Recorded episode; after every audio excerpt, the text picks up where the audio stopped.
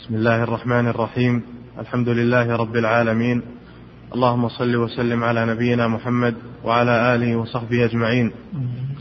قال المصنف رحمه الله تعالى وعن عقبة بن عامر رضي الله تعالى عنه قال نذرت أختي أن تمشي إلى بيت الله الحرام حافية فأمر فأمرتني أن أستفتي لها رسول الله صلى الله عليه وسلم فاستفتيته فقال لتمشي ولتركب.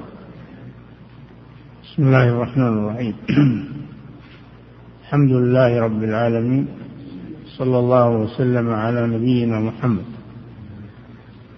وعلى آله وأصحابه أجمعين. وهذا الحديث أيضا في باب النذر. وقد سبق أن النبي صلى الله عليه وسلم نهى عن النذر يعني عن الدخول فيه. قال إنه لا يأتي بخير وإنما استخرجوا به من البخيل. وأيضا الإنسان يلزم نفسه بشيء قد يشق عليه أو يعجز عنه. فيكون هو الذي أحرج نفسه.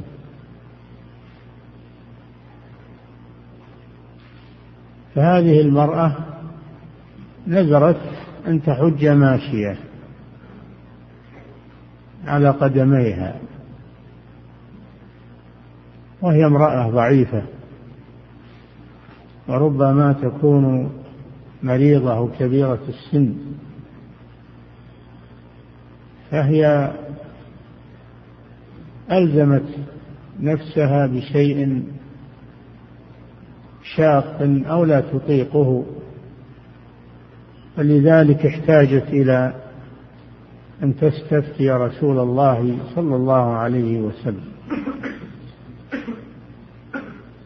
وما أكثر من يقعون في مثل هذا ينذرون أشياء ثقيلة ثم يأخذون يحاولون التخلص منها. وكانوا في عافية من الأول. لو لم ينذروا كانوا في عافية. هذه المرأة نذرت أن تحج ماشية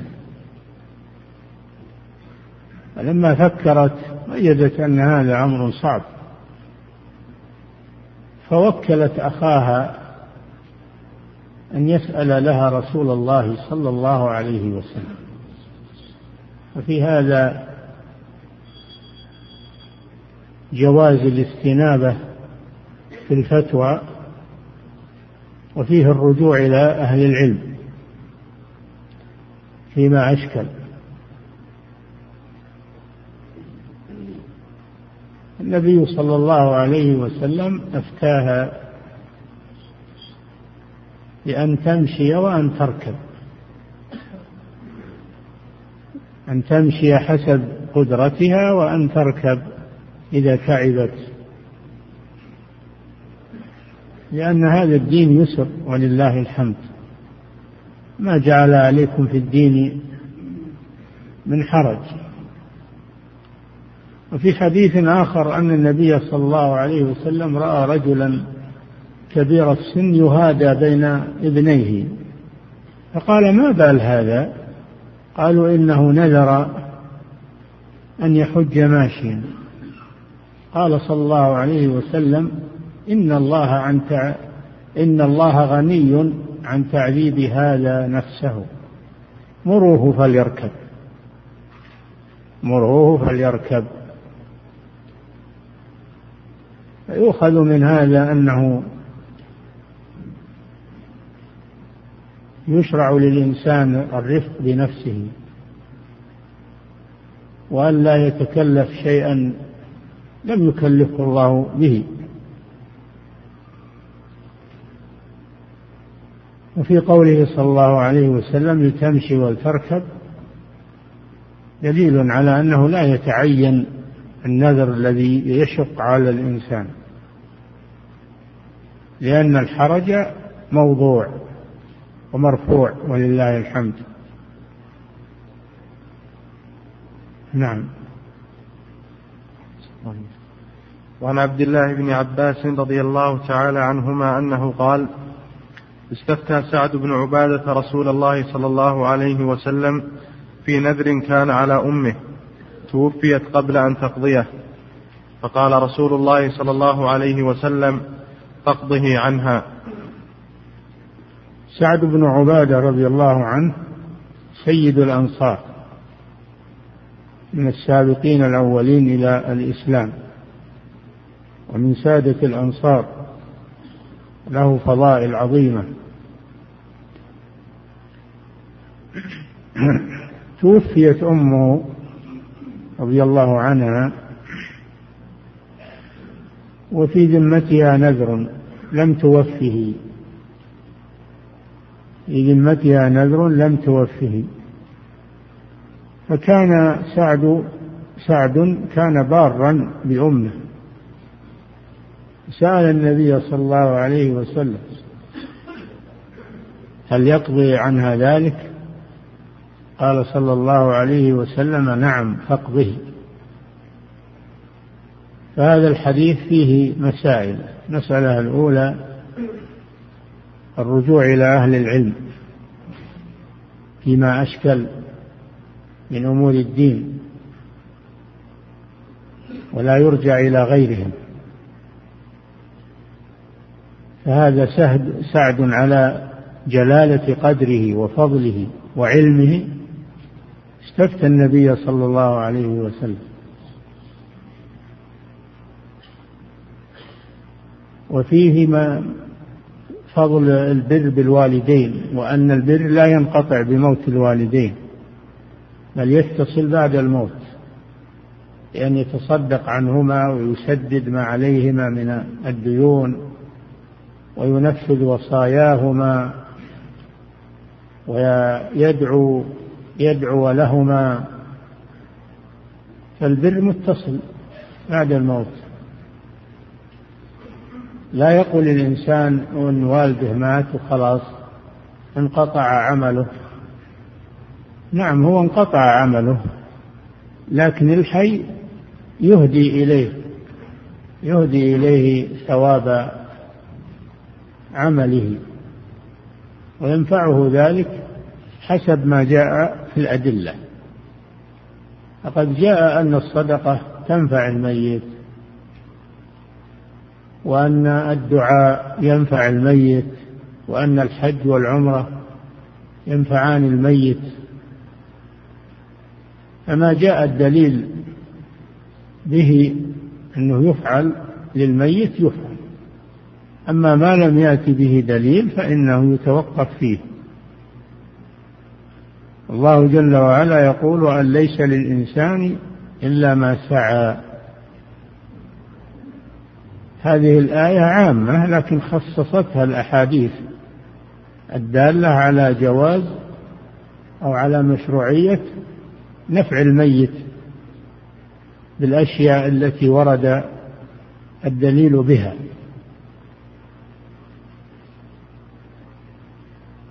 لا سيما من من الولد. فالولد هو من كسب أبيه هو من كسب أبيه. ومن عمل أبيه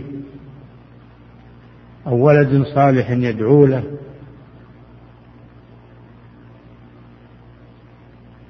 وفي هذا الحديث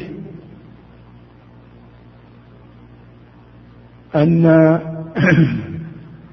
من مات وعليه حق لله من مات وعليه حق لله أو حق للمخلوقين أنه يقضى عنه. وأن ذلك يبرئ ذمته. والحديث لم يعين هذا النذر لكن جاء في بعض الروايات أنه أنها نذرت أن تتصدق أن لكن الحديث هذا يدل بعمومه على أن النيابة تدخل في العبادات. لكن العلماء مختلفون. قالوا العبادات المالية تدخلها العبادات. وأما العبادات البدنية قالوا العبادات البدنية لا تدخلها النيابة كالصلاة والصيام وكل ما هو بدني. والعبادات المالية تدخلها النيابة كالصدقة وإخراج الزكاة وغير ذلك. تدخلها النيابة.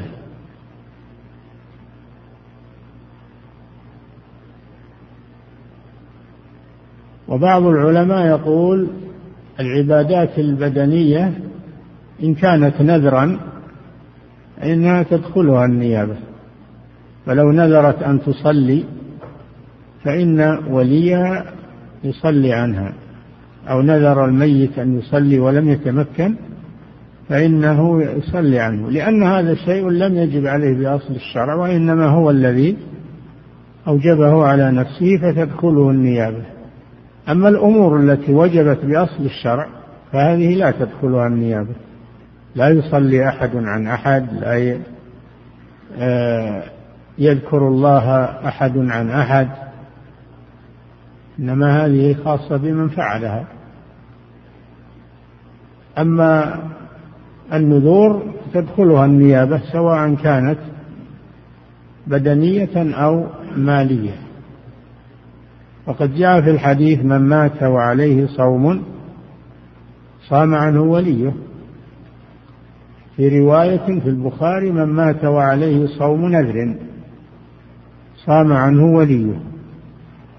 فدل على أن العبادات المنذورة تدخلها النيابة سواء كانت بدنية أو مالية لقوله وعليه صوم نذر. أما الصوم الواجب بأصل الشرع لا.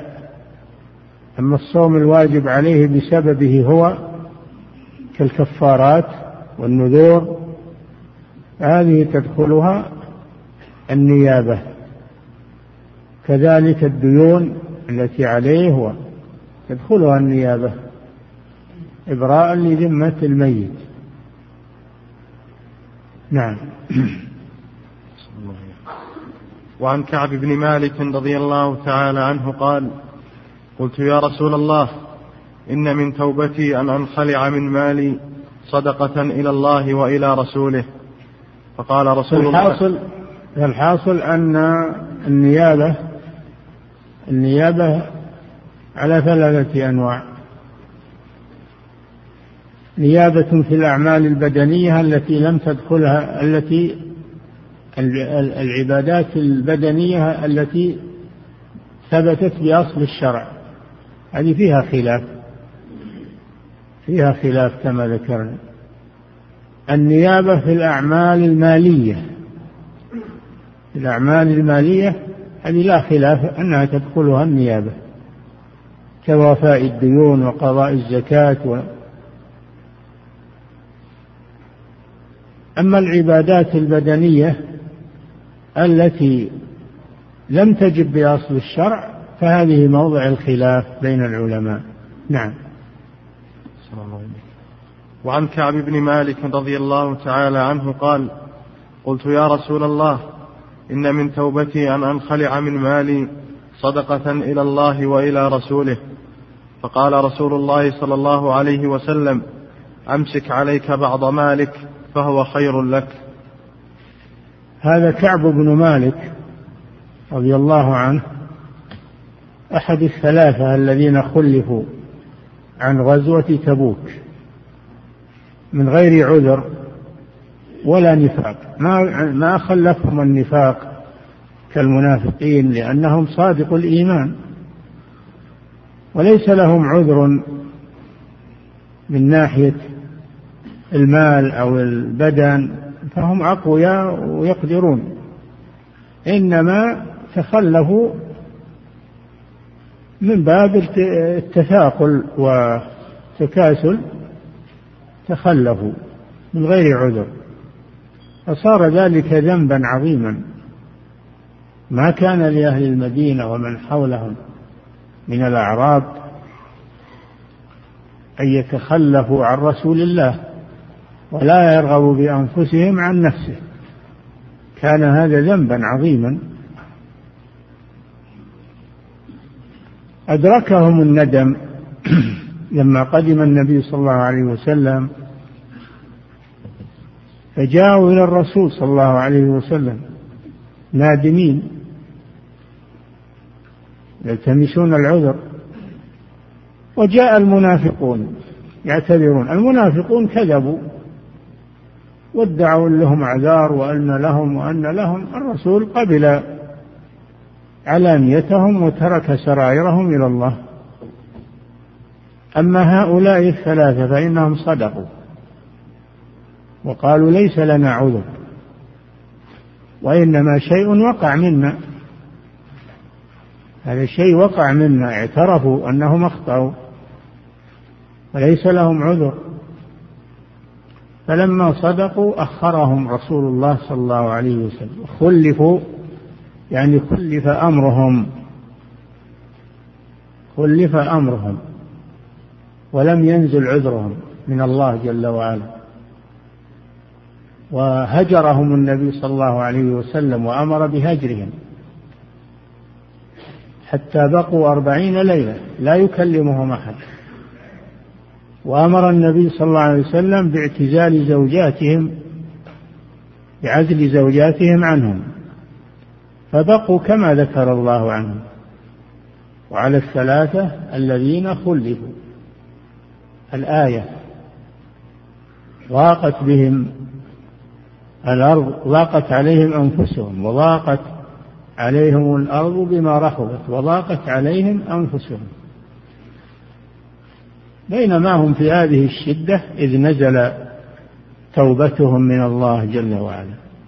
لقد وعلى الثلاثة الذين لقد تاب الله على النبي والمهاجرين والأنصار إلى قوله وعلى الثلاثة الذين خلفوا يعني تاب الله عليهم.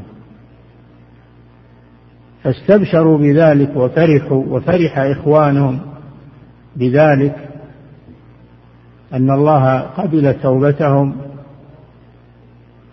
ولم يجعلهم مثل المنافقين الذين لم يقبل الله عذرهم فرحوا بذلك أشد الفرح.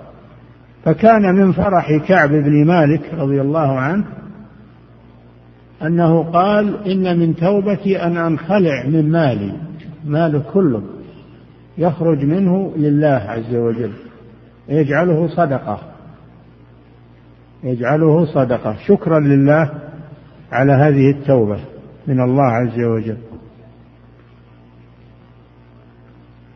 فهذا بمثابة النذر. هذا بيكون بمثابة النذر ولذلك أورده المؤلف في باب النذر. أو أنه, أنه يقاس عليه النذر. فلو نذر الإنسان أنه يتصدق بماله كله أو قال مثلا أنا أتصدق بمالي كله ولم ولم يقل علي نذر المعنى واحد. إن من توبتي أن أنخلع من مالي لله ولرسوله. فقال النبي صلى الله عليه وسلم أمسك عليك بعض مالك فهو خير لك. فهذا فيه دليل على أن الإنسان لو نذر أن يتصدق بجميع ماله أنه خير له أن يمسك بعضه من أجل أن يسد به حاجته. من الإنفاق على نفسه وعلى غيره ولا يبقى بدون مال. ويتصدق بما زاد عن حاجته. هذا موضع الشاهد من الحديث أن الإنسان لو نذر أن يتصدق بماله كله فإنه يمسك منه ما يحتاج إليه للنفقة على نفسه وعلى أولاده وما زاد عن حاجته يتصدق به. وهذا دليل على يسر هذا الدين ورفع الحرج عن المسلم. لكن يمكن يسأل سائل فيقول أليس الله جل وعلا يقول لن تنالوا البر حتى تنفقوا مما تحبون ويقول سبحانه وتعالى ويؤثرون على أنفسهم ولو كان بهم خصاصة. أليس هذا يدل على أن الإنسان يقدم ماله ولو كان محتاجا إليه ولو كان يحبه؟ نقول نعم بلى. ولكن الناس يختلفون.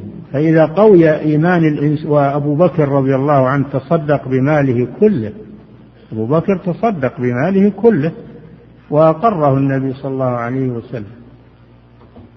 فنقول نعم إذا قوي إيمان الإنسان وقوي توكله على الله فإنه لا بأس أن يتصدق بماله كله كأبي بكر رضي الله عنه. أما إذا لم يصل إلى هذه الدرجة ويخشى أنه إذا احتاج يخشى أنه يتألم أو يتحرج فهذا يبقي من ماله ما يدفع به حاجته. هذا راجع إلى إيمان الشخص قوة إيمانه أو ضعف إيمانه. فإذا بلغ الإيمان مبلغ مع إيمان الأنصار يؤثرون على أنفسهم مبلغ الإيمان في أبي بكر تصدق بماله كله فله أن يتصدق بماله كله لأنه يستغني بالله عز وجل. أما إذا كان الإنسان ما وصل إلى هذه الدرجة فإنه يبقي ما يكفي لحاجته. نعم. قال رحمه الله تعالى كتاب القضاء. القضاء. القضاء مصدر قضى يقضي قضاء وله معاني في اللغة العربية. منها الفراغ من الشيء. فإذا قضيتم الصلاة يعني فرغتم منها. فقضاهن سبع سماوات في يومين يعني فرغ. فرغ من خلقهن سبحانه وتعالى. القضاء يراد به الفراغ. ويراد به قضاء الفايت قضاء الشيء الفايت. إذا فاتت العبادة فإنك تقضيها. كما لو نسيت الصلاة أو نمت عنها ولم تفطن أو تتيقظ إلا بعد خروج الوقت فإنك تقضيها. أو صليت صلاة غير صحيحة وخرج الوقت وفطنت أنك صلاتك ما هي بصحيحة تقضيها بمعنى تعيد الصلاة. ويطلق القضاء ويراد به الحكم بين الناس. فالقضاء في الشرع هو الحكم هو الإلزاء هو بيان الحكم الشرعي مع الإلزام به. هو بيان الحكم الشرعي مع الإلزام به. وفصل الخصومات. هذا تعريف القضاء في الإسلام. بيان الحكم الشرعي مع الإلزام به وفصل الخصومات. بخلاف الفتوى فإنها بيان الحكم الشرعي من غير إلزام غير إلزام به. فالقاضي يلزم الخصم. وأما المفتي فلا يلزم المستفتي يبين له الحكم ويكله إلى نفسه. هذا الفرق بين القضاء والإفتاء. والقضاء في الإسلام ضرورة. وقد دل على مشروعيته الكتاب والسنة والإجماع. والقياس الصحيح فإن الله جل وعلا قال يا داود إنا جعلناك خليفة في الأرض فاحكم بين الناس بالحق. قال تعالى لنبينا محمد صلى الله عليه وسلم فاحكم بينهم بما أنزل الله وأن يحكم بينهم بما أنزل الله. يحكم بينهم بما أنزل الله. أمر نبيه بالقضاء. فكان النبي صلى الله عليه وسلم يقضي ويفتي. كان قاضيا وأميرا ومفتيا عليه الصلاة والسلام وإماما في الصلاة وخطيبا في الجمعة وكان داعية وواعظا وآمرا بالمعروف وناهيا عن المنكر عليه الصلاة والسلام.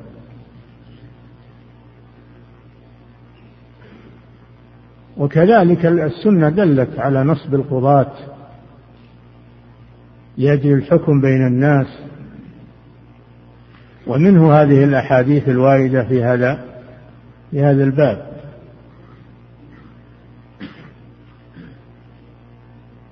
والإجماع منعقد على أنه لا بد من نصب القضاة.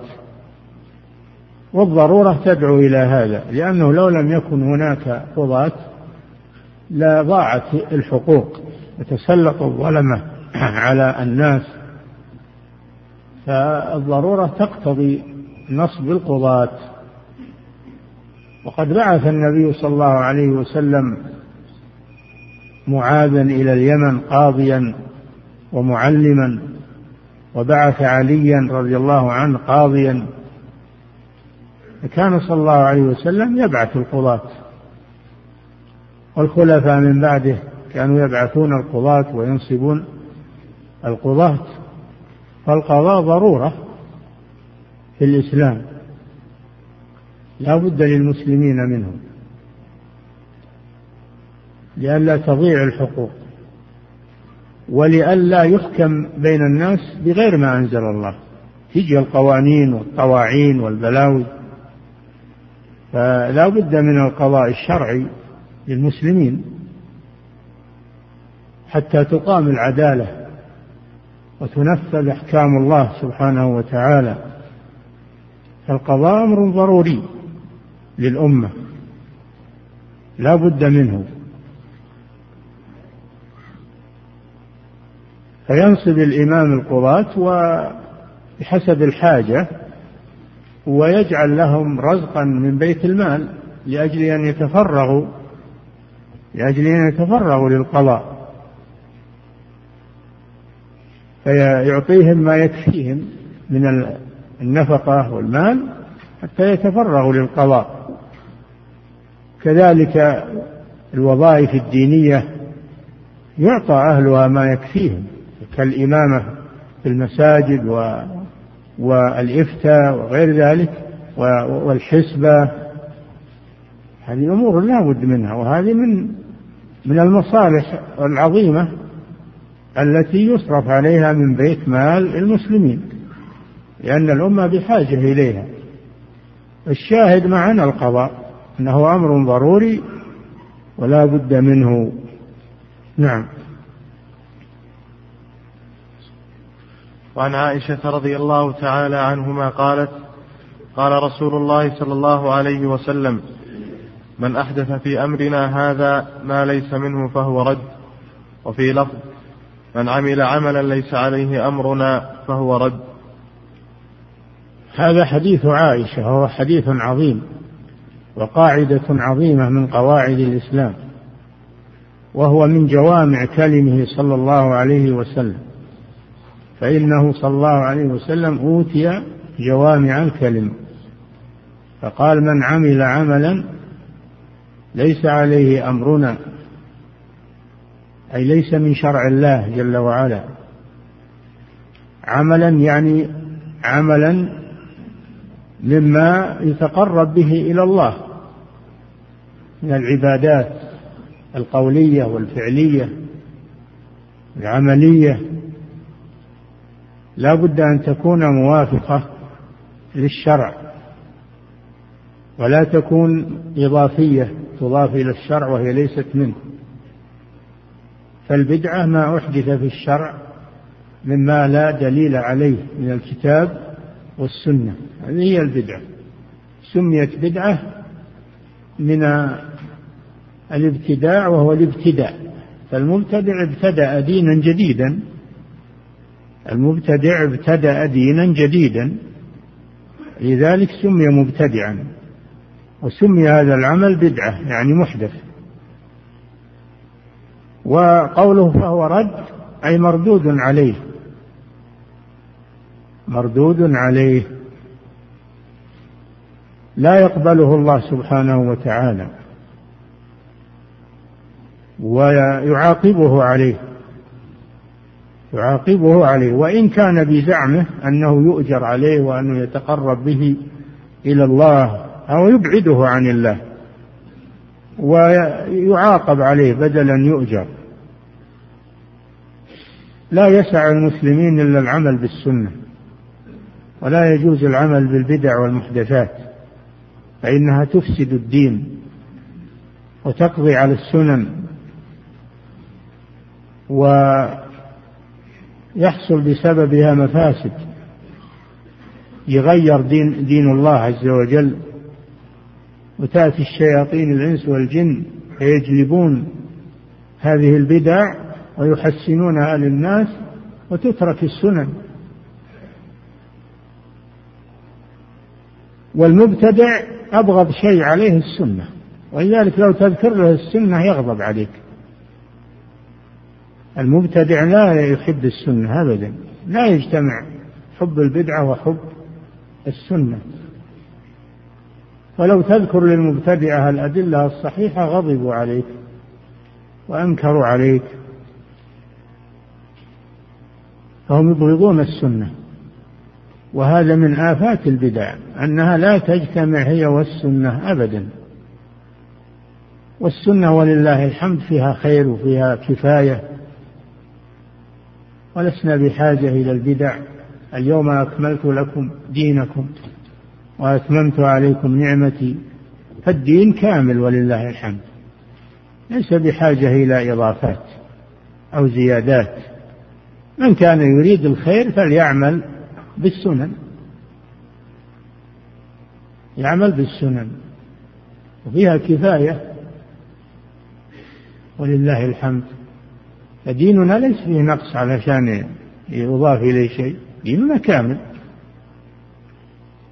ليس فيه وأيضا البدعة تشريع والمشرع هو الله جل وعلا. لا يجوز لأحد يشرع في الدين ما ليس منه. أم لهم شركاء؟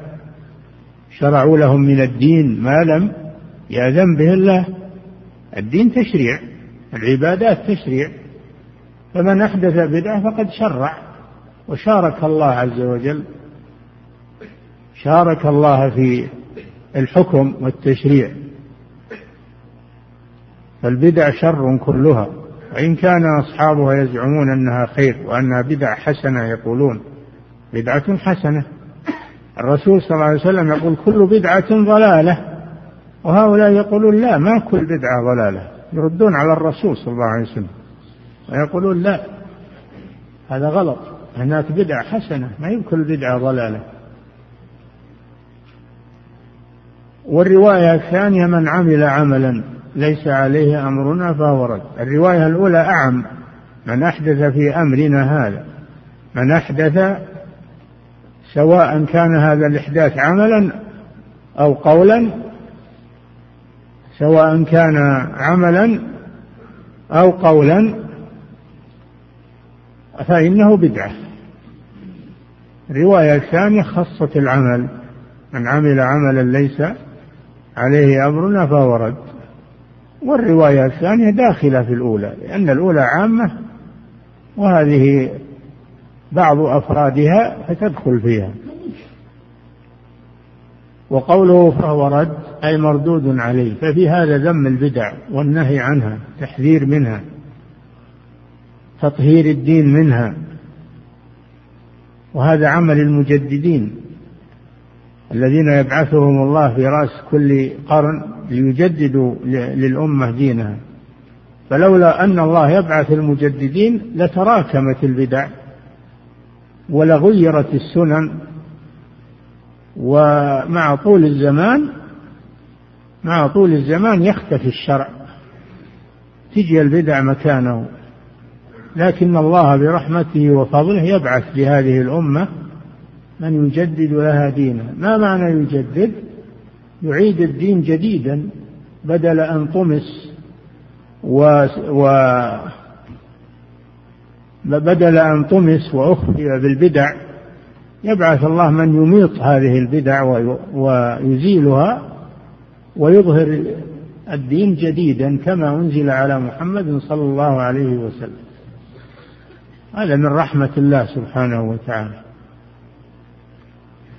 وكان من حق المجددين علينا أن ندعو لهم وأن نترحم عليهم وأن نسير على منهجهم. لكن كثير من المبتدعة يسيئون في حقهم ويتهمونهم ويكفرونهم ويصفونهم بالأوصاف القبيحة لكن هذا لا يضرهم. إنما يضر من صدر منه هذه من صدرت منه هذه التصرفات. في حق العلماء. لا يضرهم هذا. فإن قلت ما علاقة هذا الحديث بباب القضاء؟ نقول يدخل فيه القضاء. فمن قضى بقضاء ليس عليه أمر الرسول صلى الله عليه وسلم فهو مردود ومنقوض. فلو أن قاضيا حكم بما يخالف كتاب الله أو سنة رسول الله صلى الله عليه وسلم أو إجماع المسلمين فإنه باطل. يجب نقضه. يجب نقضه. ورده. نعم. وعن عائشة رضي الله تعالى عنها قالت دخلت هند بنت عتبة امرأة أبي سفيان على رسول الله صلى الله عليه وسلم فقالت يا رسول الله إن أبا سفيان رجل شحيح لا يعطيني من النفقة ما يكفيني ويكفي بني إلا ما أخذت من ماله بغير علمه فهل علي في ذلك من جناح؟ فقال رسول الله صلى الله عليه وسلم خذي من ماله بالمعروف ما يكفيك ويكفي بنيك. نعم هذه هند هند بنت عتبة بن ربيعة القرشية أم معاوية بن أبي سفيان وأم آه وأم يزيد بن أبي سفيان. وهي امرأة عربية شهمة فيها شهامة فيها قوة وأنجبت الأبطال أنجبت الأبطال. كمعاوية وأخيه يزيد بن أبي سفيان رضي الله عنهما. آه، وزوجها أبو سفيان بن حرب.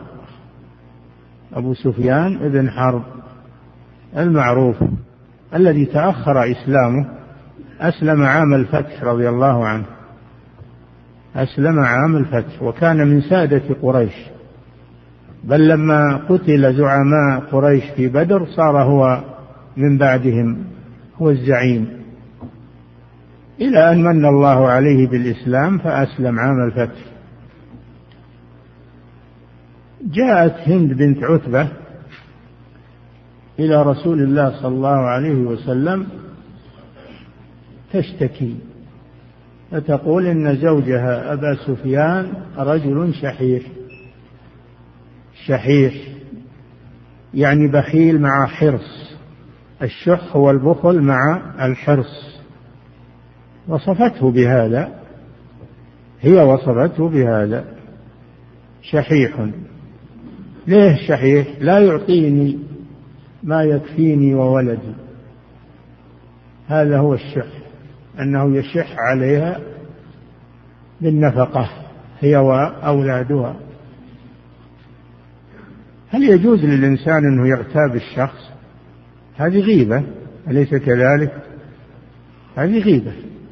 قالوا ما قالوا هناك مواضع تباح فيها الغيبة.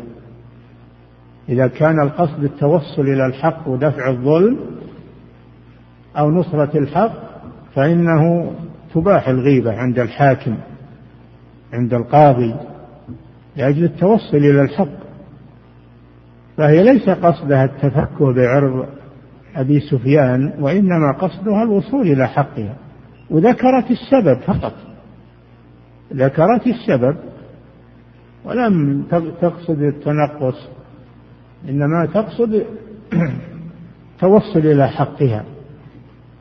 فهذا فيه دليل على أن المشتكي والمتظلم أنه يذكر ما في خصمه من الظلم والعدوان لأجل أن يتوصل إلى حقه وليس هذا من الغيبة المذمومة. ليس من الغيبة المذمومة هذا مستثنى. فقال لها النبي صلى الله عليه وسلم خذي ما يكفيك وولدك بالمعروف. هذا فيه دليل على أن المرأة لا تأخذ من مال زوجها إلا بإذنه أو بإذن الحاكم. ما تأخذ من مال زوجها إلا بإذنه أو بإذن الحاكم الشرعي. لأن هندا جاءت إلى الرسول صلى الله عليه وسلم ما أخذت مع أنها يمكنها أنها تأخذ لكن ما أقدمت على هذا إلا بعد أن جاءت إلى الرسول صلى الله عليه وسلم. فبهذا الرجوع إلى أهل العلم في مثل هذه المشكلات. فقال لها النبي صلى الله عليه وسلم خذي ما يكفيك وولدك بالمعروف. مش علاقة هذا في باب القضاء علاقته أن الرسول حكم على أبي سفيان سمع دعوى هندا وحكم على أبي سفيان وهو غايب. قالوا فهذا فيه دليل على جواز الحكم على الغائب إذا استدعى الأمر هذا لئلا تضيع الحقوق ولا كان الواحد يتغيب ويختفي وتضيع الحقوق. فإذا علم أنه سيحكم عليه جاء. ولا يصير هذا يفتح الباب للمحتالين ويختفون. ويسافرون وتضيع الحقوق. فالحكم على الغائب هذا حكم به الرسول صلى الله عليه وسلم على أبي سفيان. هذا وجه سياق المؤلف لهذا الحديث في باب القضاء. وهو حجة لمن قال يقضى على الغائب. وإذا جاء الغائب وطلب إعادة النظر فله ذلك. له ذلك ما يسد الباب عليه. فإذا جاء و وأجاب عن دعوى المدعي بجواب صحيح فإنه على حقه. فإنه على حقه. فيحكم على الغائب وإذا حضر وعنده شيء خفي على الحاكم فإنه يبديه. والحاكم يغير حكمه. وإنما قضى على الغائب من باب الحاجة والضرورة ودفع حاجة المضطر. وهذا في سد باب على المحتالين الذين يتهربون من القضاء ومن الحكم عليهم. إذا علموا أن الحاكم سيحكم عليهم ما ما اختفوا ولا ولا تحيلوا. ومن العلماء من يقول لا هذا ما هو من باب القضاء هذا من باب الإفتاء. هذا من باب الإفتاء. لأن القضاء لابد من سماع جواب المدعى عليه هذا الأصل في القضاء. لابد من سماع المدعى عليه.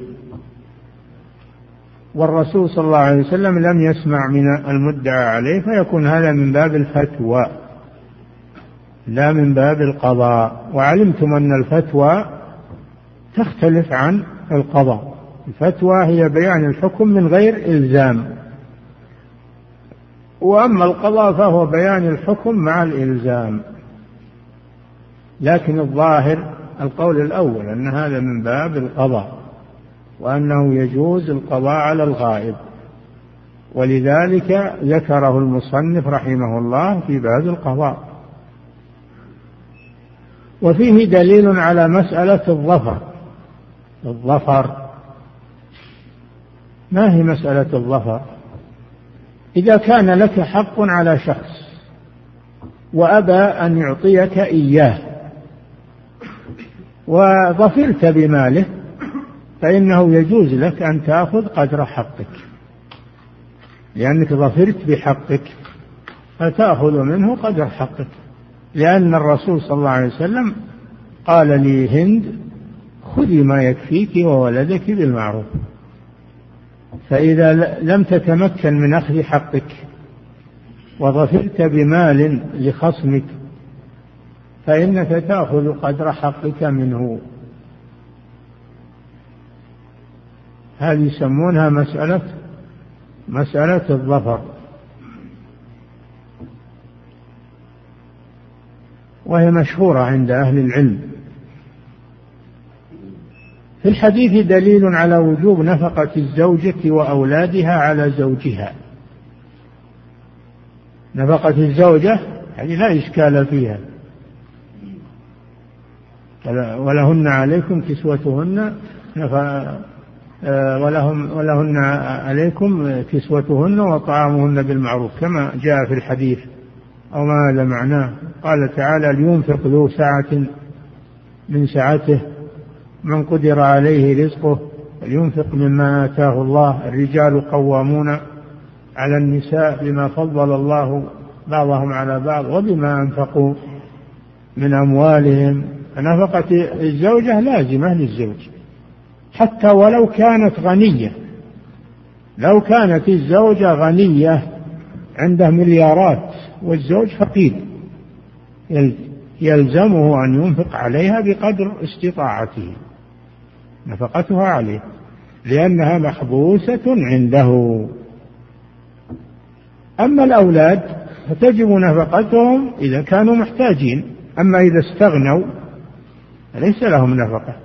إذا استغنوا وصاروا موظفين ولا يشتغلون ولا يبيعون ويشترون يحترفون ليس لهم نفقة على والده لكن إذا احتاجوا وليس لهم حرفة ولا وظيفة ولا أو هم لا يستطيعون العمل لكونهم مرضى أو أنهم يفقدون بعض أعضائهم ولا يستطيعون فالوالد ينفق عليهم يعولهم إنما إذا استغنوا فليس لهم حق على والدهم. وفي الحديث دليل على أن النفقة لا لا حد لها وإنما يرجع فيها إلى العرف إلى العرف.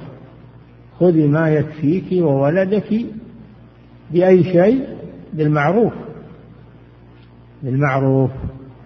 ما تعارف عليه الناس في كل زمان بحسبه فالنفقة إنما تكون بالمعروف. أي هذا فيه الإحالة على العرف في بعض الأمور التي لم يحددها الشارع الشارع الحكيم لم يحددها لأن الأوقات تختلف والأشخاص يختلفون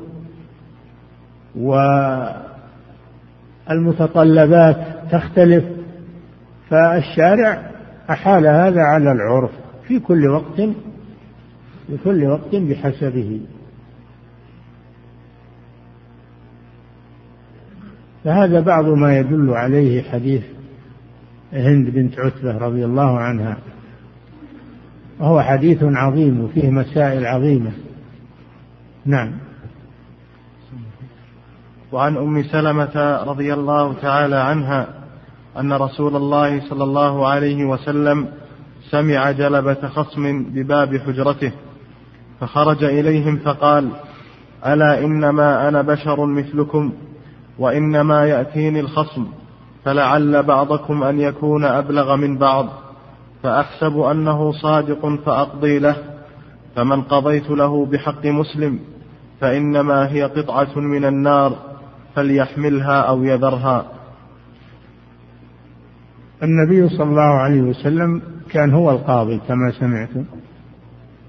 كان هو القاضي لأن الله أمره بذلك أن يحكم بينهم بما أنزل الله فهو القاضي وهو المفتي وهو الإمام وهو الأمير وهو المحتسب عليه الصلاة والسلام وهو الداعية إلى الله وهو الواعظ. كل كل أمور الدين يقوم بها صلى الله عليه وسلم. قام بأعباء الرسالة عليه الصلاة والسلام كلها ووفاها حقها. بلغ الرسالة وأدى الأمانة عليه الصلاة والسلام وجاهد في الله حق جهاده. سمع جلبة يعني أصواتا عند بابه صلى الله عليه وسلم. جلبة خصم يرفعون أصواتهم. تعرفون النزاع إذا صار نزاع ترتفع أصوات المتنازعين ولو من غير قصد. فسمع النبي صلى الله عليه وسلم أصواتهم وأنكر عليهم ذلك. وقال إنما أنا بشر. إنما أنا بشر. هذا كما قال الله جل وعلا قل إنما أنا بشر مثلكم. فهو بشر صلى الله عليه وسلم. من أب وأم. هو بشر من أب وأم عليه الصلاة والسلام. وليس هو ملكا من الملائكة وليس هو نور من كما يقولون إنه نور وليس بشر وإنما هو نور كما يقوله الغلاة المبتدعة الذين يرفعونه فوق منزلته أو يقولون إنه إن له حق في الربوبية والألوهية وأنه ينفع ويضر بعد موته عليه الصلاة والسلام. فهو بشر. لكن الله خصه بالرسالة كما قال الأنبياء لأممهم كما قال الأنبياء لأممهم إن نحن إلا بشر مثلكم ولكن الله يمن على من يشاء. والكفار المتعنتون يقولون نطيع بشرا مثلنا. يقولون ما, ما هو إلا بشر ما إن أنت إلا بشر مثلنا. وش اللي خصك وصار لك ميزة علينا. كلنا أجل نصير رسل. لن نؤمن حتى نؤتى. مثل ما أوتي رسل الله. الله أعلم حيث يجعل رسالته. والله جل وعلا يصطفي من الملائكة رسلا ومن الناس. فالله ميزهم بالرسالة وإلا هم في الأصل بشر لكن الله ميزهم بالرسالة والوحي. وإلا من حيث من حيث البشرية هم بشر. ولذلك يأكلون ويشربون ويتزوجون ويمرضون ويحزنون ويموتون عليهم الصلاة والسلام ويدفنون كما يدفن الناس. فهم بشر. الرسول يقول إنما أنا بشر مثل أنا لا أعلم الغيب وأعلم من هو المصيب من الخصوم والمخطئ. ما يعلم هذا عليه الصلاة والسلام. وإنما يحكم على ما يظهر له على ما يظهر له من الدعوة والإجابة من البينة أو اليمين. يمشي على أصول في القضاء ويكل من حيث الظاهر ويكل البواطن إلى الله جل وعلا. لا يعلم الغيب عليه الصلاة والسلام إلا ما أطلعه الله عليه من الغيب من باب المعجزة من باب المعجزة. أما أنه يعلم المحق من المبطل في الخصومات فهو لا يعلم صلى الله عليه وسلم. إنما أنا بشر مثلكم. وربما يكون بعضكم أبلغ بحجته من بعض. البلاغة هي صفة من صفات المتكلم. يكون بليغا ويكون فصيحا. أو يكون عييا ولا يستطيع الكلام ولا يحسن الكلام. هذه هذه منن من الله سبحانه وتعالى. والبلاغة هي مطابقة الكلام لمقتضى الحال وهي على قسمين. إن استغلت في إظهار الحق وبيان الحق فهي محمودة. وإن استغلت في طمس الحق وإعزاز الباطل فهي مذمومة. هي مذمومة. ولهذا يقول الشاعر في زخرف القول تزيين لباطله والحق قد يعتريه سوء تعبيري. فالبلاغة إذا كانت لأجل نصرة الباطل وطمس الحق فهي مذمومة. أما إذا كانت بالعكس لنصرة الحق وإظهار الحق فهي منحة من الله ونعمة. الرسول خشي عليهم من الجانب الثاني أن يكونون يستعملون بلاغتهم لأجل أخذ حقوق الناس. حذرهم من ذلك. وقال إنما أقضي على نحو ما أسمع. هذا فيه دليل على أن قضاء القاضي حسب الظاهر. حسب الظاهر. وهذا محل الشاهد من الحديث. فيحكم على نحو ما يسمع. فإن كان فيه شيء خفي فإن هذا في ذمة من أخفاه وكتمه. والله هو الذي يتولى السرائر سبحانه وتعالى. القضاة لا يعلمون الغيب. إذا كان الرسول صلى الله عليه وسلم لا يعلم الغيب في هذا فالقضاة من باب أولى. فهذا فيه دليل على أن حكم الحاكم لا يغير. لا يغير الحق. بعض الناس يقول لا هذا لي أنا حاكم لي القاضي بهذا.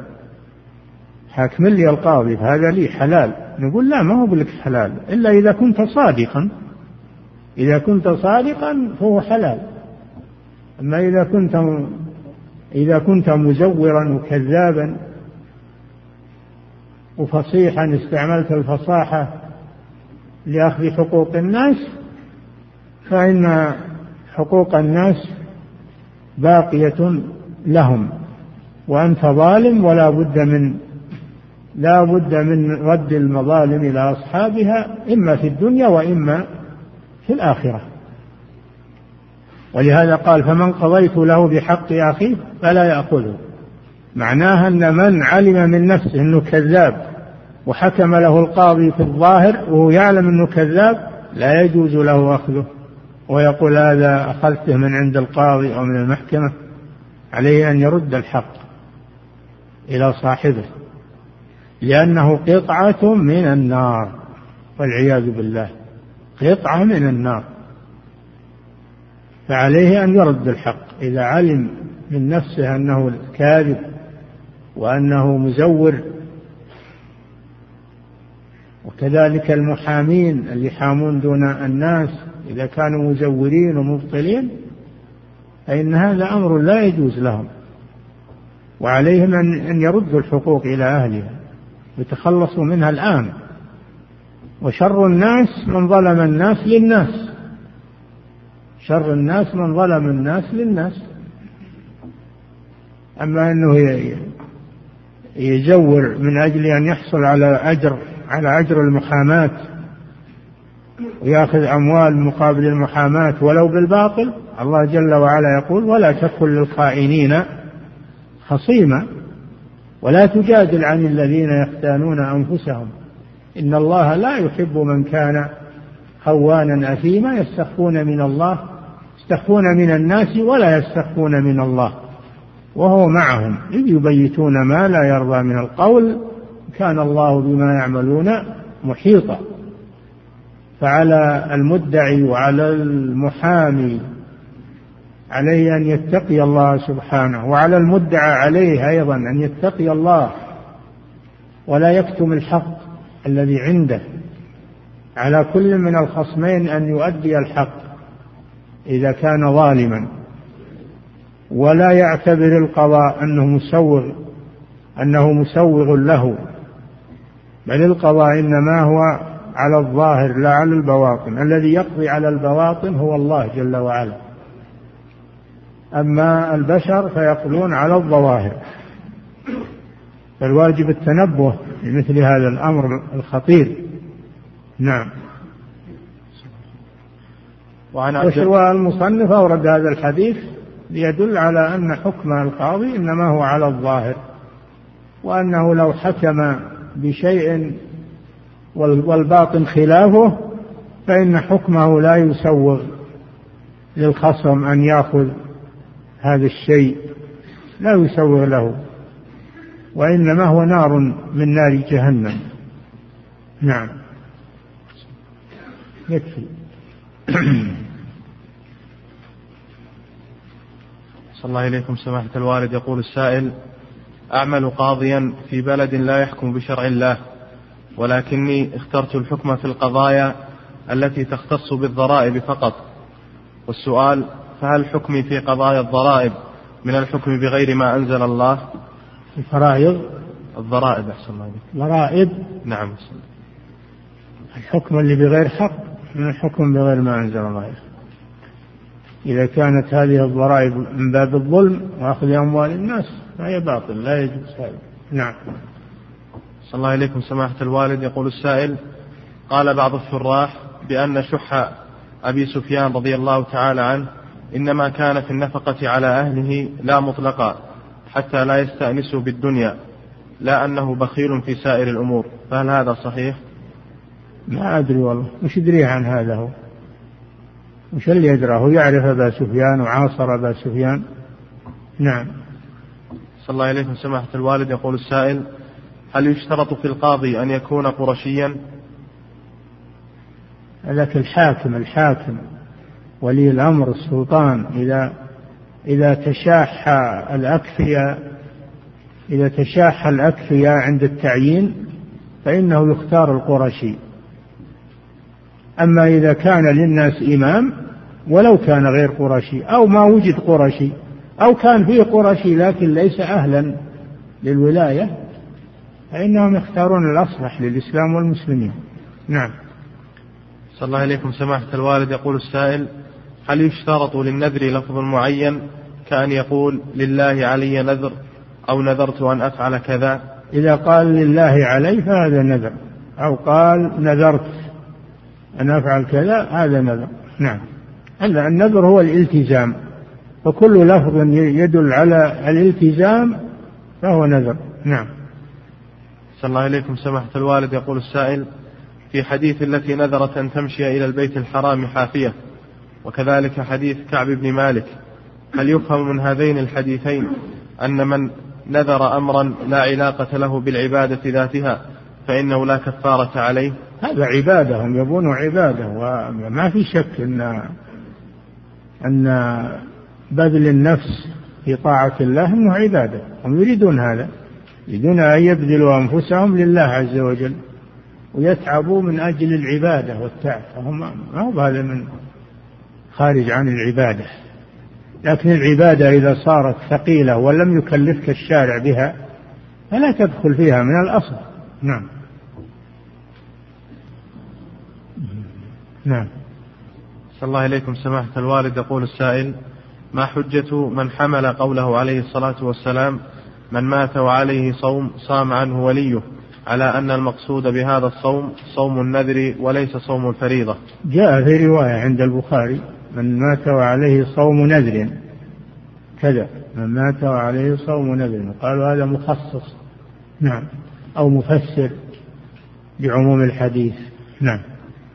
صلى الله عليكم. سماحة الوالد يقول السائل كيف نجمع بين قاعدة المشقة تجلب التيسير كما أخذت من حديث أخت عقبة وبين قوله عليه الصلاة والسلام من نذر أن يطيع الله فليطعه. أن يطيع الله من غير مشقة شديدة.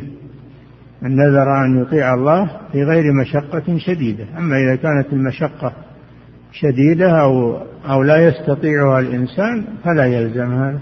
نعم. صلى الله إليكم سماحة الوالد. يقول السائل من نذر على فعل شيء مباح هل هو مخير بين الوفاء بالنذر أو الكفارة؟ نعم. إذا نذر نذرا مباحا مثل نذر أنه يشتري ثوب جديد ويلبسه أو أنه يركب, يركب سيارة. هذا نذر مباح. إن شاء فعله وإن شاء كفر كفارة يمين. أو نذر أنه يعمل وليمة ويدعوكم إليها. مخير. إن شاء يعمل وليمة ويدعوكم وإن شاء يكفر كفارة. يمين نعم. أحسن الله إليكم. سماحة الوالد يقول السائل إذا ظفرت بمال لأحد إخوة المديون الذي أطالب أحسن الله إليكم. يقول إذا ظفرت بمال لأحد إخوة المديون الذي أطالبه. لأحد إخوة المدين. المدين. نعم. إيه. لأحد. إخوة إخوة المدين. لأحد إخوة المدين الذي أطالبه بمال لأحد إخوتي المدين أو لأحد إخوة المدين. صلى الله يقول لأحد إخوة المدين. إيش عليهم ذولا؟ إخوة المدين ما عليهم. أنت ما عليك إلا من المدين. غريمك. نعم. ذكر أحسن الله عليك في ثمة سؤالي أنهم شركاء في أغلب شركاء. يقول أحسن الله عليك علما بأن هؤلاء الأخوة شركاء في أغلب شركاتهم. لا هذا ما ما تأخذه. ما دام إنه ما هو بالمال خاص له ما تأخذ. ما تأخذ. نعم. أحسن الله إليكم. سماحة الوالد يقول السائل هل يجوز أن يهدى للميت ختمة من كتاب الله؟ لا دليل على ذلك. يقول به بعض الفقهاء لكن لا دليل عليه. وقلنا إن الشيء اللي ما عليه دليل الأصل إن الإنسان ما له إلا عمله. إنما يستثنى ما دل عليه الدليل. نعم. صلى الله عليكم سماحة الوالد يقول السائل استدل بعضهم بحديث إنما أنا بشر مثلكم على رد قول العالم وحكم القاضي وجرح الجارح وتعديل العادل إذا كان بدون حجة؟ يقول أحسن الله إليكم استدل بعضهم بحديث إنما أنا بشر مثلكم على رد قول العالم على؟ على رد قول العالم. رافع. رد أحسن الله إليكم ما يرد إلا إذا كان مخالفا للكتاب والسنة.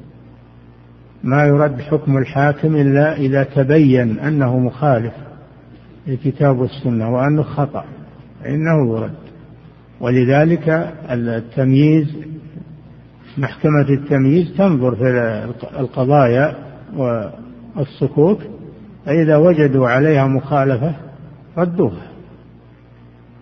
أما إذا كان الحكم موافقا للكتاب والسنة أو لم يتبين لم يتبين أنه مخالف للكتاب والسنة فلا يجوز نقله ولا التعرض له وإلا تفسد الأحكام وكل يعبث. نعم. صلى الله إليكم سماحة الوالد. يقول السائل في قول النبي صلى الله عليه وسلم إن من البيان لسحرا هل هذا ذم للبلاغة أم أنه مدح لها؟ يحتمل هذا وهذا. يحتمل وكما قلنا لكم إذا استعمل للحق البلاغة طيبة. إذا استعملت في الحق أما إذا استعملت للشر فهي شر حسب ما تستعمل. نعم. صلى الله إليكم سماحة الوالد. يقول السائل أنا نذرت على نفسي أن أتصدق بمبلغ معين من المال عن كل صلاة لا أصليها. أنا نذرت. يقول أحسن الله إليكم. أنا نذرت على نفسي أن أتصدق بمبلغ معين من المال عن كل صلاة لا أصليها ولكني لم أحدد الصلاة. هل هي التي أتركها عمدا أم نوما بعذر؟ لذا فأنا في حيرة من أمري هل النذر شامل لكلا الأمرين؟ إن كان قصدك النوافل صلوات النوافل فهذا ليس القصد منه إلزام نفسك. هذا ليس القصد منه التقرب بالنذر إنما قصدك إلزام نفسك بهذه الصلاة.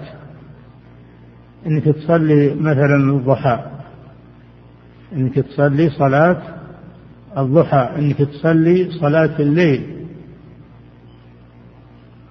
فإذا كان قصدك إلزام نفسك بذلك فإنها تلزمك. فإنها تلزمك. فإذا لم تقم بها فإن فإنك تقضيها لأنه وجبت عليك تقضيها قضاء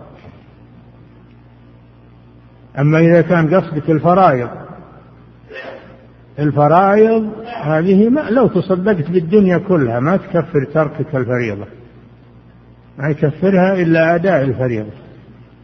الصدقة ما تكفر ترك الفرائض من الصلوات. والنذر إذا كان ما هو بالقصد منه التقرب إلى الله وإنما القصد منه إلزام الشخص كأن يقول لله علي نذر إن لم أعطك كذا. هذا يجري مجرى اليمين. فيه كفارة يمين. يعني ما هو بالقصد منه التقرب. إذا لم أفعل كذا فعلي صوم سنة. هذا ما هو القصد منه النذر. القصد منه اليمين وإلزام نفسك. أو إن فعلت كذا فعلي آه، التصدق بكذا وكذا من المال. ما هو بالقصد التقرب بالنذر. قصدك إلزام نفسك ترك هذا الشيء. هذا يجري مجرى اليمين. النذر يكون إذا كان القصد منه الإلزام آه، الحث إذا كان القصد منه الحث على الترك أو الحث على الفعل فهو يجري مجرى اليمين تحله الكفارة نعم. صلى الله عليكم سماحة الوالد يقول السائل إذا كان لدى الرجل امرأتان وأحدهما عندها أولاد أحدهما. وأحدهن أحسن الله عليك. إحداهن. أحسن الله عليك. وإحداهن عندها أولاد أكثر من الثانية فهل يجوز له أن يزيد في نفقة الأولى ما لا يزيد في الثانية؟ هذا علشان الأولاد ما هو علشانها يعطي الثانية لها ولأولادها أو يعطي الأولى نفقتها هي فقط لأن ما عندها أولاد. نعم. صلى الله عليكم سماحة الوالد يقول السائل هل يستفاد من قول النبي صلى الله عليه وسلم في في الحديث الذي ذكر فيه قصة سليمان عليه السلام لو قال إن شاء الله لم يحنث أن شرع من قبلنا شرع لنا. أي نعم إذا جاء شرعنا إذا جاء شرعنا بموافقته فهو شرع لنا. وقد جاء شرعنا بموافقة هذا يكون شرعا لنا. نعم. أحسن الله إليكم. سماحة الوالد يقول السائل يوجد محام يدخل نفسه في قضايا تتعلق بأعراض المسلمين. وتخل بالأمن للدفاع عن المدعى عليه رغم أن المدعى عليه قد أقر بجريمته وصادق عليها شرعا في المحكمة حيث يجادل هذا المحامي بقلب الحقائق بحجج ضعيفة وبدعوى الإكراه على الإقرار. فهل ما يتلقاه هذا المحامي من أموال حلال أم حرام؟ وهل تجب علي نصيحته؟ نعم يجب عليك نصيحته. عمل ذا لا يجوز. قيام بالمحاماة عن المبطلين أو محاماة لرد الحق يحامي لرد الحق هذا عمل باطل ولا يجوز. والأجرة حرام التي يأخذها في مقابل ذلك. لا يحامي إلا بحق وصدق. أما أن يحامي بباطل ويأخذ أجرة هذا أشد. يجمع بين فعل الحرام وأكل الحرام والعياذ بالله. نعم. أحسن الله إليكم سماحة الوالد. يقول السائل هل يجوز للمرأة أن تتصدق من مال زوجها بدون علمه؟ إذا وقف على بابها فقير يريد طعاما وهي تعلم عدم إذنه. الأشياء اليسيرة ما في مانع. تأخذ من مال زوجها الأشياء اليسيرة مثل إعطاء سائل عند الباب لقمة أو تمرة أو الأشياء اليسيرة لا بأس بها إنما شيء كثير هذا لا. لابد من إذن من إذنها وإذن الحاكم الشرعي. نعم. صلى الله إليكم. سماحة الوالد يقول السائل رجل نذر أن ينحر جملا إذا تحقق له الأمر الذي يريده وقد تحقق له ذلك الأمر فهل يخير بين فعل النذر والكفارة؟ لا هذا نذر لازم لأن الذبح عبادة لله النسك عبادة لله فيذبحه ويوزعه على المحتاجين على الفقراء. نعم. أحسن الله إليكم سماحة الوالد. يقول السائل هل يجوز لإنسان لم يحج حجة الإسلام لعجزه عن الحج بعدم استطاعته على المال وطلب منه شخص يقول أحسن الله إليكم لعجزه عن الحج بعدم استطاعته على يعني المال. السؤال من أول أحسن الله إليكم سماحة الوالد. يقول السائل هل يجوز لإنسان لم يحج حجة الإسلام إيه؟ لعجزه عن الحج بعدم استطاعته على المال؟ وطلب منه شخص أن يحج عنه وأنه يعطيه, يعطيه ما يكفيه لذهابه للحج. لا يجوز هذا حتى يحج عن نفسه أولا. إذا حج عن نفسه يحج عن غيره. قوله صلى الله عليه وسلم حج عن نفسك. ثم حج عن شبرم. فلا يجوز أن يحج عن غيره لا بمال ولا بغير مال حتى يحج عن نفسه. نعم. أحسن الله إليكم. سماحة الوالد يقول السائل توفي والدي وقد حج في حياته وقد حججت عن نفسي أكثر من مرة وأريد الحج هذه السنة فهل الأفضل أن أحج لنفسي أو لوالدي؟ أنت مخير لكن إذا حججت عن والدك فهذا من البر هذا من البر. وهو الإحسان إلى والدك ووالدك منقطع عمله وأنت تريد أن تصل له العمل. من هذه الناحية حجك لوالدك أفضل. نعم. صلى الله إليكم سماحة الوالد يقول السائل رجل مات ولم يحج وله أولاد فأراد أحد أولاده أن يحج عنه وهو أصغر أولاده فهل يجب عليه أن يستأذن إخوانه الذي هم أكبر منه؟ من مات ولم يحج وهو مستطيع. مات وهو مستطيع ولم يحج وله مال يؤخذ من تركته من تركة الميت. ويحجج به عنه لأن هذا دين في ذمته فيحجج عن عنه من ماله من تركته من رأس المال.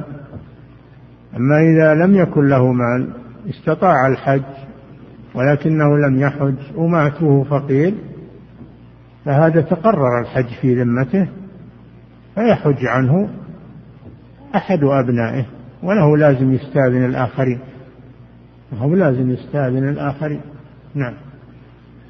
أحسن الله إليكم سماحة الوالد. يقول السائل هل إذا حجيت عن شخص وأنا قد حجيت الفرض فهل يكون لي أجر حجة؟ لك أجر الدعاء وأجر الصلاة في المسجد الحرام وأجر الدعاء في المشاعر. ما زاد عن المناسك من الطاعات فأجره لك. وأما المناسك فهي عن المنوب عنه نعم. أحسن الله إليكم سماحة الوالد يقول السائل أريد الحج ولكن ليس لدي الاستطاعة المالية على ذلك فهل أذهب مع إحدى الحملات مشرفا وأحج؟ مع العلم, مع العلم أن الإشراف على الحملات مما يشغل الحاج عن أداء حجه على الوجه المطلوب. ليس عليك حج حتى تستطيع. من مالك ولله على الناس حج البيت من استطاع إليه سبيلا. إذا استطعت من مالك وجبت عليك حجة الإسلام. إذا لم تستطع من مالك فلا ما عليك حج. نعم. أحسن الله إليكم. سماحة الوالد يقول السائل كيف يستطيع الإنسان الثبات على السنة؟ والأمن نعم. يقول أحسن الله إليكم كيف يستطيع الإنسان الثبات على السنة والأمن من الفتن والخوف منها؟ تعلم السنة يستطيع يتعلم السنة ويعرف البدعة علشان يتجنب البدع ويعمل بالسنة. أما إذا كان جاهلا إنه يقع بالبدع وهو لا يدري. عليه أولا أن يتعلم السنة من البدعة وعليه ثانيا أن يتجنب أهل البدع ولا يخالطهم ولا يجالسهم لئلا يجروه إلى إلى البدع والفتن.